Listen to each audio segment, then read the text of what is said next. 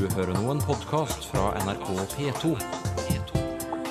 nrk.no-podkast. blir kveld, og så blir det morgenkveld, og så blir det enda en gang til hvis ikke jeg blir stein.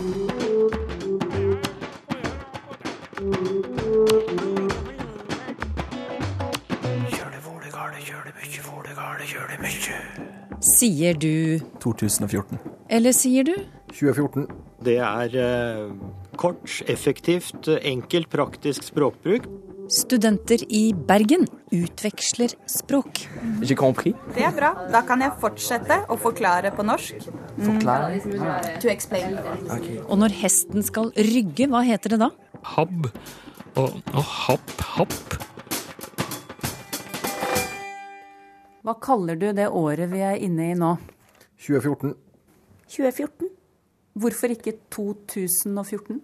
Det tar lengre tid å si, da. 2014, sier jeg. Men jeg har hørt noen si 214, for å korte det ned. Hva kaller du det året vi er inne i nå? 2014. Hvorfor sier du det på den lange måten? For at det er tydeligere. Ja, ulik praksis og ulike begrunnelser, men heter det nye året 2014, eller heter det 2014? Hva mener du, Sylfe Lomheim? Ja, hvis vi hører rundt oss, er jo svaret gitt. Det er begge deler. Folk sier begge deler. Og jeg tror at det er bare fåtallet, altså et mindretall, som sier enten 2014 eller 2014. Flertallet veksler faktisk. Jeg har hørt så mange snakke både i taler og hatt innlegg og alt mulig. Og eh, ofte så går det bare sekunder mellom den ene varianten før vi hører den andre. Det er liksom det som er det vanlige blant folk. Men hva, hva mener du det bør hete? Ja, hva som er korrekt, det har jeg ikke veldig sterke meninger om. Men det jeg har vært opptatt av å forklare, er hva som er den eh, uttalen som er i samsvar med tradisjon, hvis vi tenker bakover det som folk har sagt opp igjennom. Og da er det jo mange som sier ja, vi sier 1990, da må det bli 2014. Men tradisjon er ikke slik. Tradisjon er rett og slett slik at vi bruker 100 år mellom tusenåra. Fordi at eh, vi sier jo 900 og 900-tallet, 1100-tallet og 1200- og 1900-tallet. Men vi sier ikke 1000-tallet. Det er nok ingen som sier. Det er bare tusentallet. Og det betyr at det som på en måte er parallellen til 2000-tallet, er tusentallet. Og det er der forklaringa ligger på at de fleste, iallfall eldre, ikke yngre, hvis de bare sier spontant det de tror det skal heite, så blir det 2000. Men eh, jeg er den første til å forstå at eh, siden 2014 er kortere, så er det mange som satser på det. Og dessuten så har svenskene begynt med 2000. Det er en vesentlig forklaring til at også nordmenn eh, aper etter. Men Hva velger du, og hva foretrekker du å si? Nei, jeg sier bare 2014. Ja. Men eh, ja. Hør her. Dette skrev du om i Klassekampen i forrige uke, og etter noen dager kom det et motinnlegg. Trond Smith Meyer, som eh, jobber med språk og kommunikasjon i Kopinor, du skriver at det nye året bør hete 2014. Hvorfor det? Ja, det er eh, rett og slett fordi at det er kort, effektivt, eh, enkelt, praktisk språkbruk. Men først og fremst mener jeg det er fordi at det eh, er det jeg kaller god, tradisjonell språkbruk. Vi kalte det 1914, vi kalte det 1814. Vi har snakket om eh, 1984 og 1992 gjennom hele det forrige hundreåret. Og eh, jeg ser ingen grunn til at eh, årstall skulle uttales på noen annen måte. Og så har det jo vært slik at vi har snakket om år 2000, og det har vel vært mer forvirring i begynnelsen av dette tusenåret enn en det, det det virker som det er nå. Jeg tror at eh, den eh, måten å si årstallene på, det kommer flere og flere til å, å, å gå inn på. Sylfes Lomheim, hvorfor er det greit å si 1814, men ikke 2014? Du var jo inne på det i sted, men Trond Sotmeir er ikke enig med deg? Nei, nei da, men altså Jeg bare registrerer hva som er den tradisjonelle teljemåten. Jeg, og det er å bruke 1000 når det er 1000 og 2000, og så sier vi 1984 og 1990, slik som Trond Smith-Meyer sier, i alle hundreåra mellom tusenåra. Det er slik det har vært i hele Europa, og slik teller faktisk alle europeiske språk ute i Europa, bortsett fra tilløp i engelsk til 2014 og sånn. Og så har vi jo svenskene som faktisk bestemte. De gjorde et vedtak i god tid før 2000 og sa at nei, på svensk skal vi ikke satse på 2000 når den tid kommer, vi skal si 2000. Og eh, vi veit jo at det er 100 000 unge svensker i Norge, slik at vi har fått veldig mye svenskuttale. Det forklarer litt. Pluss det som Trond Smitsmeier sier, det er jo, det er jo kortere òg, så det er flere forhold som spiller inn der. Men det artige er at det fins ikke noe språksamfunn ute i Europa som har gjort vedtak om at de skal si 2014. Ja, altså, jeg, jeg, tror ikke så mye på akkurat den svenske teorien, og, og jeg er ikke så opptatt av vedtak her, her heller. Uh, Sylfest Lomheim, du bringer hele tiden inn navnet på hundreåret, som om det skulle ha veldig stor betydning. Jeg er også enig i at vi snakker om 2000-tallet og ikke 2000-tallet, men det er egentlig noe helt annet. Vi, hvis man ser på uh, altså tradisjonell tellemåte er egentlig Altså årstall er ikke et hvilket som helst tall. Det er helt vanlig at det uttales på en annen måte enn et annet tall. Når vi går i butikken og skal, og skal kjøpe en, en eller annen DVD-spiller, så sier vi ikke 1499, da sier vi 1499 kroner. Eller 1499. Altså det er naturlig å uttale årstallet på en annen måte. Da leser vi sifferne uh, i par. Og så sier vi altså 1994, eller vi sier 2014. Men Trond Smith-Meyer, som Sylfest Lomheim sier her, det finnes en tradisjon for hvordan vi omtaler årstallene. Hvorfor skal vi bryte den tradisjonen? Ja, Det er vel kanskje der vi er litt uenige. da, men Jeg er klar over at uh, man som ofte sier at slaget ved Hastings var i 1066, men jeg syns det begynner å bli et veldig ganske gammelt eksempel. Og uh, den alminnelige språkbruken er som man kan sammenligne med. Det, da kan man gripe til hvordan man uttalte årstallene uh, i de nærmeste hundre årene. Så er, vi, så er, det vi, som snakker i radio og TV her i NRK. Ja. Vi har jo blitt bedt om å si 2014, men det er ulik praksis på lufta, som det heter. Noen sier 2014 også. Hva syns du om det, Sylfes Lomheim?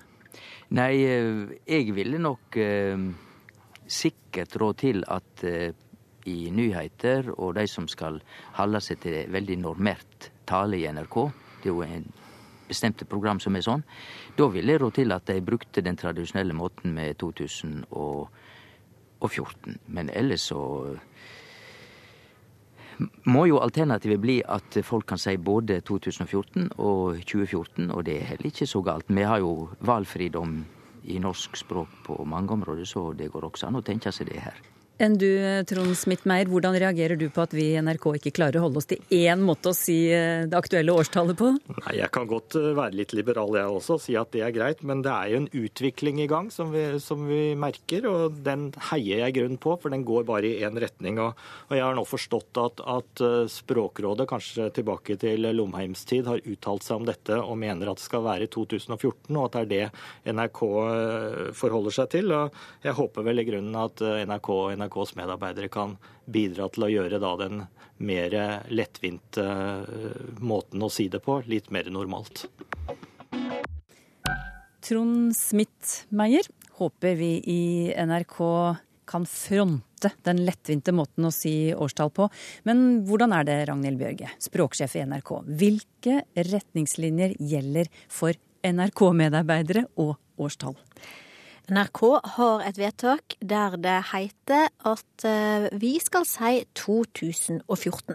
Og dette er et vedtak som ble gjort eh, langt tilbake når dette spørsmålet kom opp første gangen. Og det er ikke gjort noe med det etterpå, sjøl om en kan høre at eh, en hører både 2014 og 2014 på lufta og på, i eteren i dag. Mm, hva er grunnen til at vi har et slikt vedtak i NRK?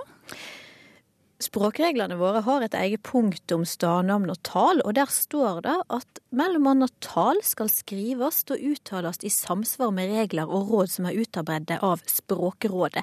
Og der er jo egentlig hovedstikkordet, og Rådet for Språkrådet har jo vært å bruke langforma 2014. Mm. Allikevel så forstår jeg at dette er et tema du nå ønsker å ta opp med språkstyret i NRK. Hvorfor vil du det?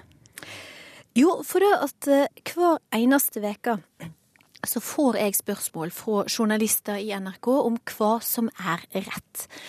Senest uh, sist uke så fikk jeg en telefon som, fra en som sier at jeg sier 2014, men hovedprogramlederen min, som jeg jobber med hver dag, hun sier 2014. Hva skal vi to gjøre?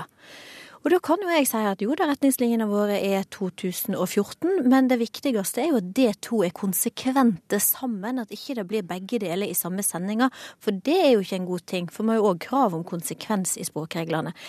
Og mange spør kan det ikke gjøre om på dette, det er så tungvint at jeg er nødt til å si én ting hjemme, én ting før jeg går i studio, og så en annen ting i studio.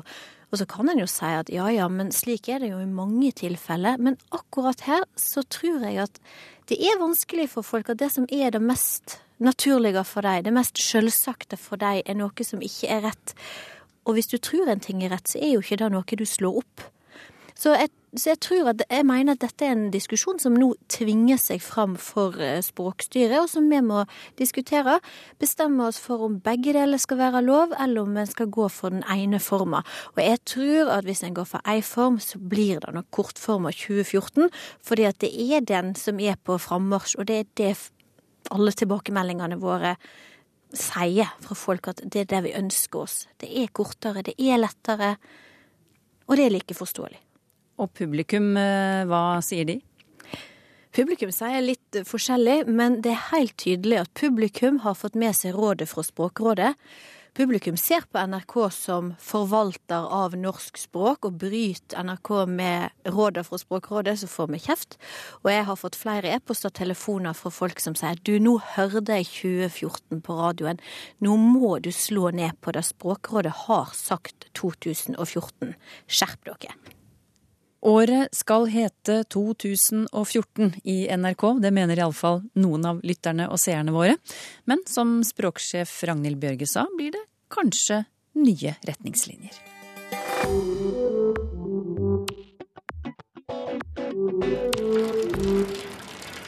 Dette er en gammel tandem, og du kan sikkert se for deg de to som tråkker i takt på samme sykkel.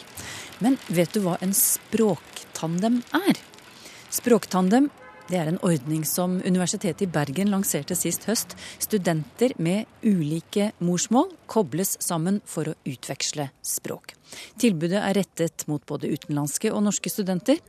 Reporter Maria Skeie var med Cecilie Bonn og Etienne Lemur da de skulle lære språk av hverandre. Det har vært kjempekoselig å eh, treffe deg det semesteret her. Og for all del, neste gang du kommer til Norge, jeg sier neste gang, så ta kontakt. Eh, merci beaucoup. To venner tar farvel ved Den blå steinen i Bergen sentrum. De veit ikke når de sees igjen neste gang.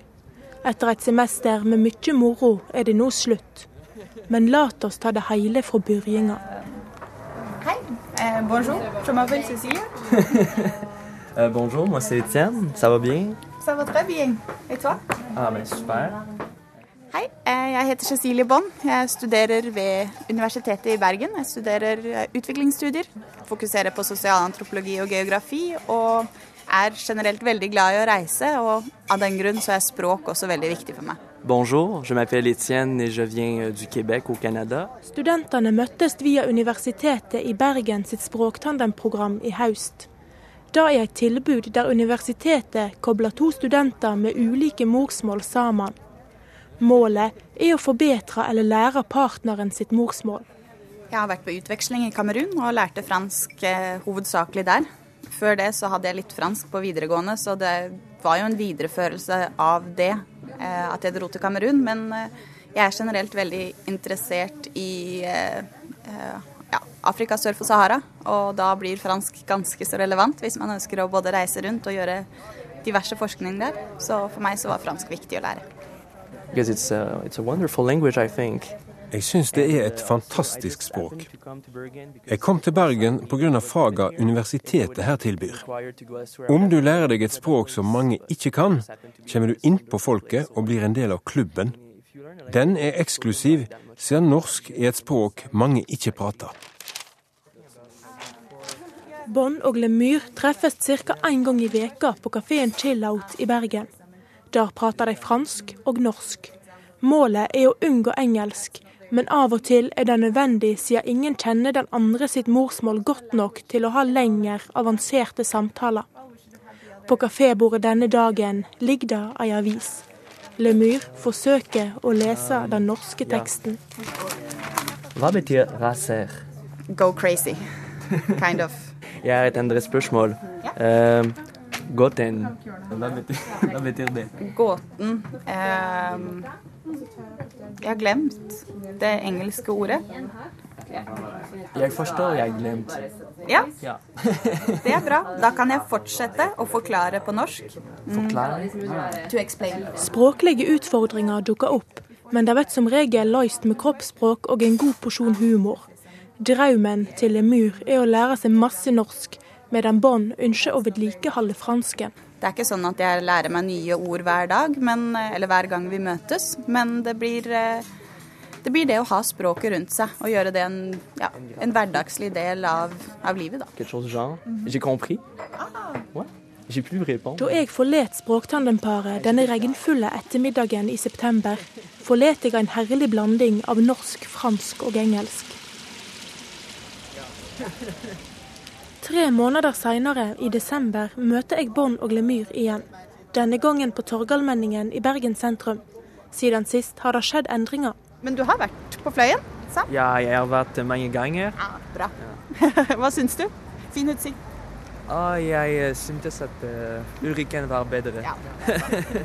Hvor mye norsk har du lært i høst?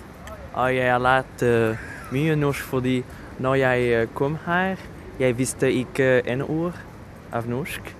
Og nå, nå eh, kan jeg uh, si noen ting. Også Bonn klarte å oppnå målet sitt.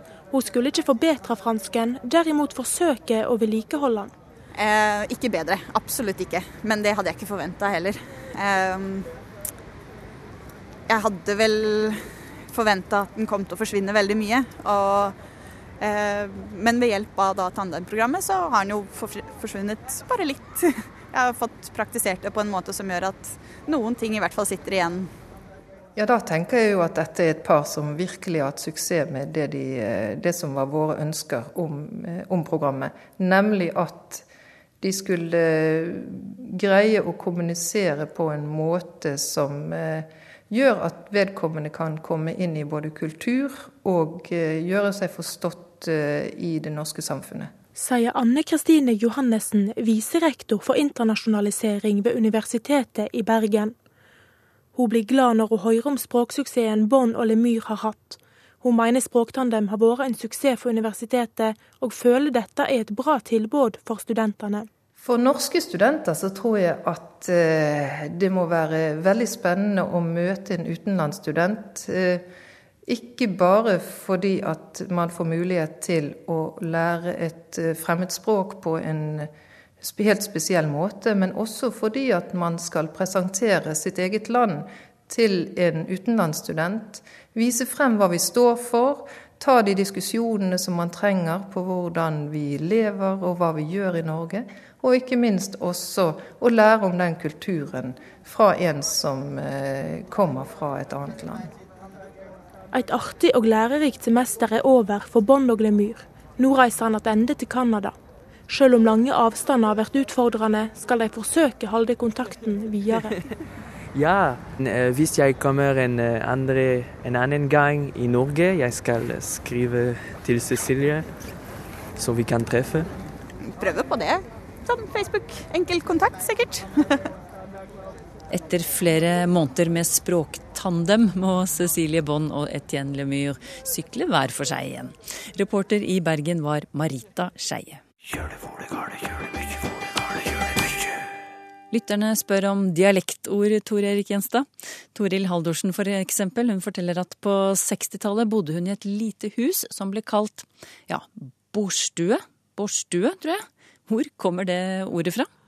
Ja, det er vel det som iallfall mange plasser blir uttalt borstu eller borstue.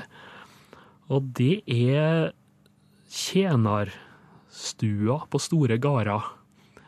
Det er det som òg er kalla drengestua. Borstua, det hører nå hjemme på Vestlandet, i Trøndelag og i Nord-Norge. Og opprinnelig så er jo det borgstue, det som er opphavet.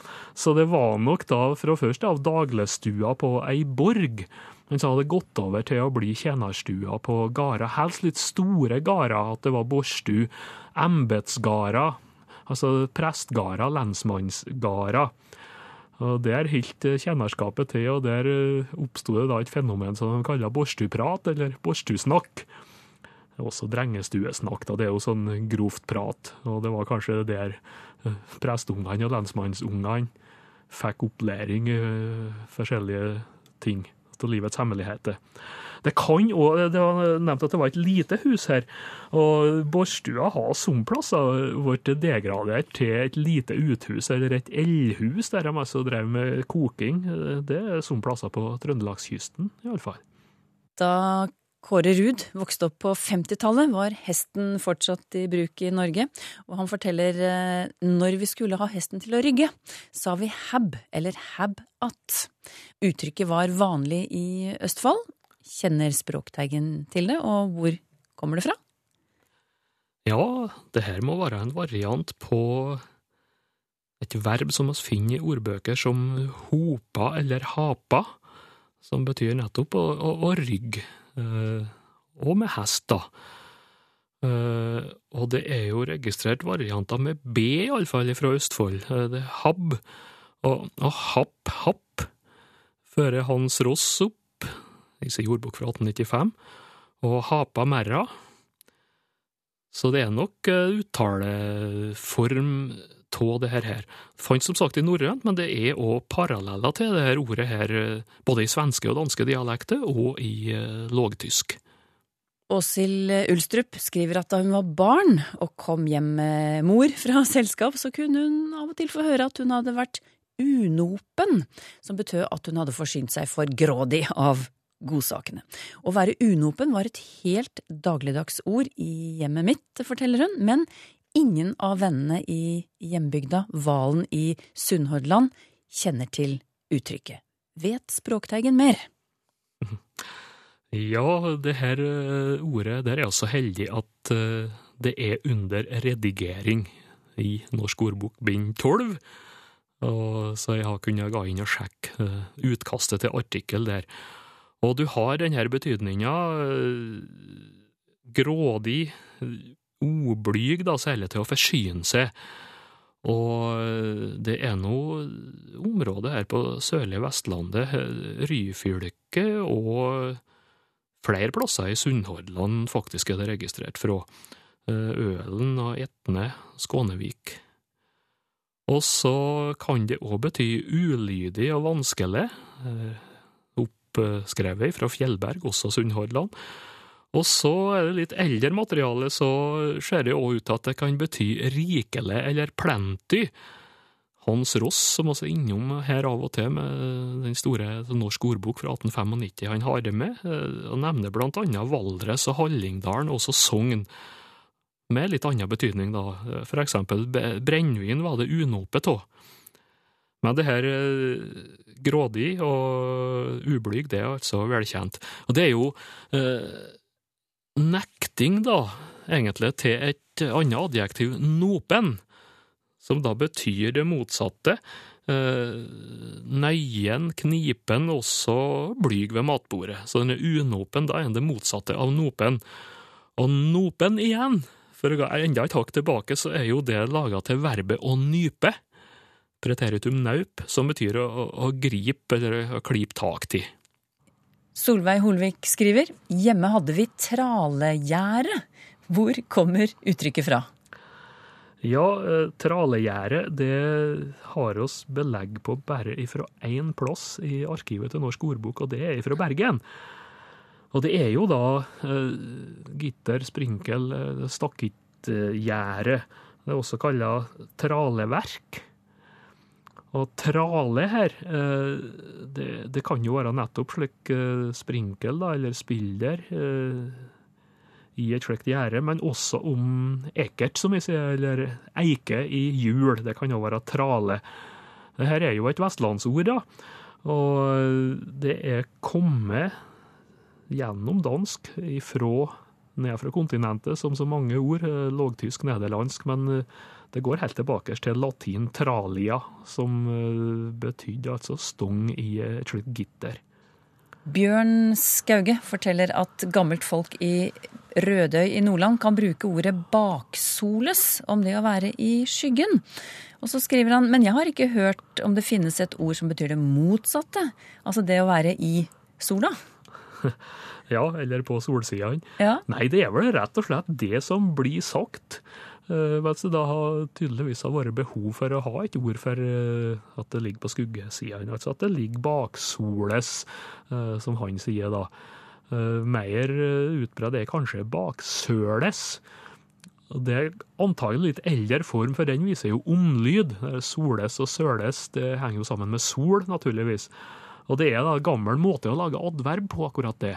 Samme mønstre som du har i f.eks. avsides, eh, innenlands, midtvinters. Eh, På fagterminologi så heter det adverbiell genitiv. Altså, og det kan òg være genitivstyrt av preposisjon, da, sånn som i mot, motsols. Men det her er, er altså en eh, gammel måte å baksoles og baksøles kan jo så jamføre med rangsøles, som betyr mot sola. Altså dans rangsøles. Da snur du mot sola. Og, og rettsøles da med sola. Har du spørsmål til Språkteigen? Skriv til Teigen, krøllalfa nrk.no, eller til Språkteigen, NRK P2, 7005, Trondheim. Så finner du oss også på Twitter og på Facebook. Neste gang får du møte en avisredaktør som kjemper for kjønnsnøytrale ord, som f.eks. bekvanningsbyrå i stedet for bemanningsbyrå. Språkteigen om en uke.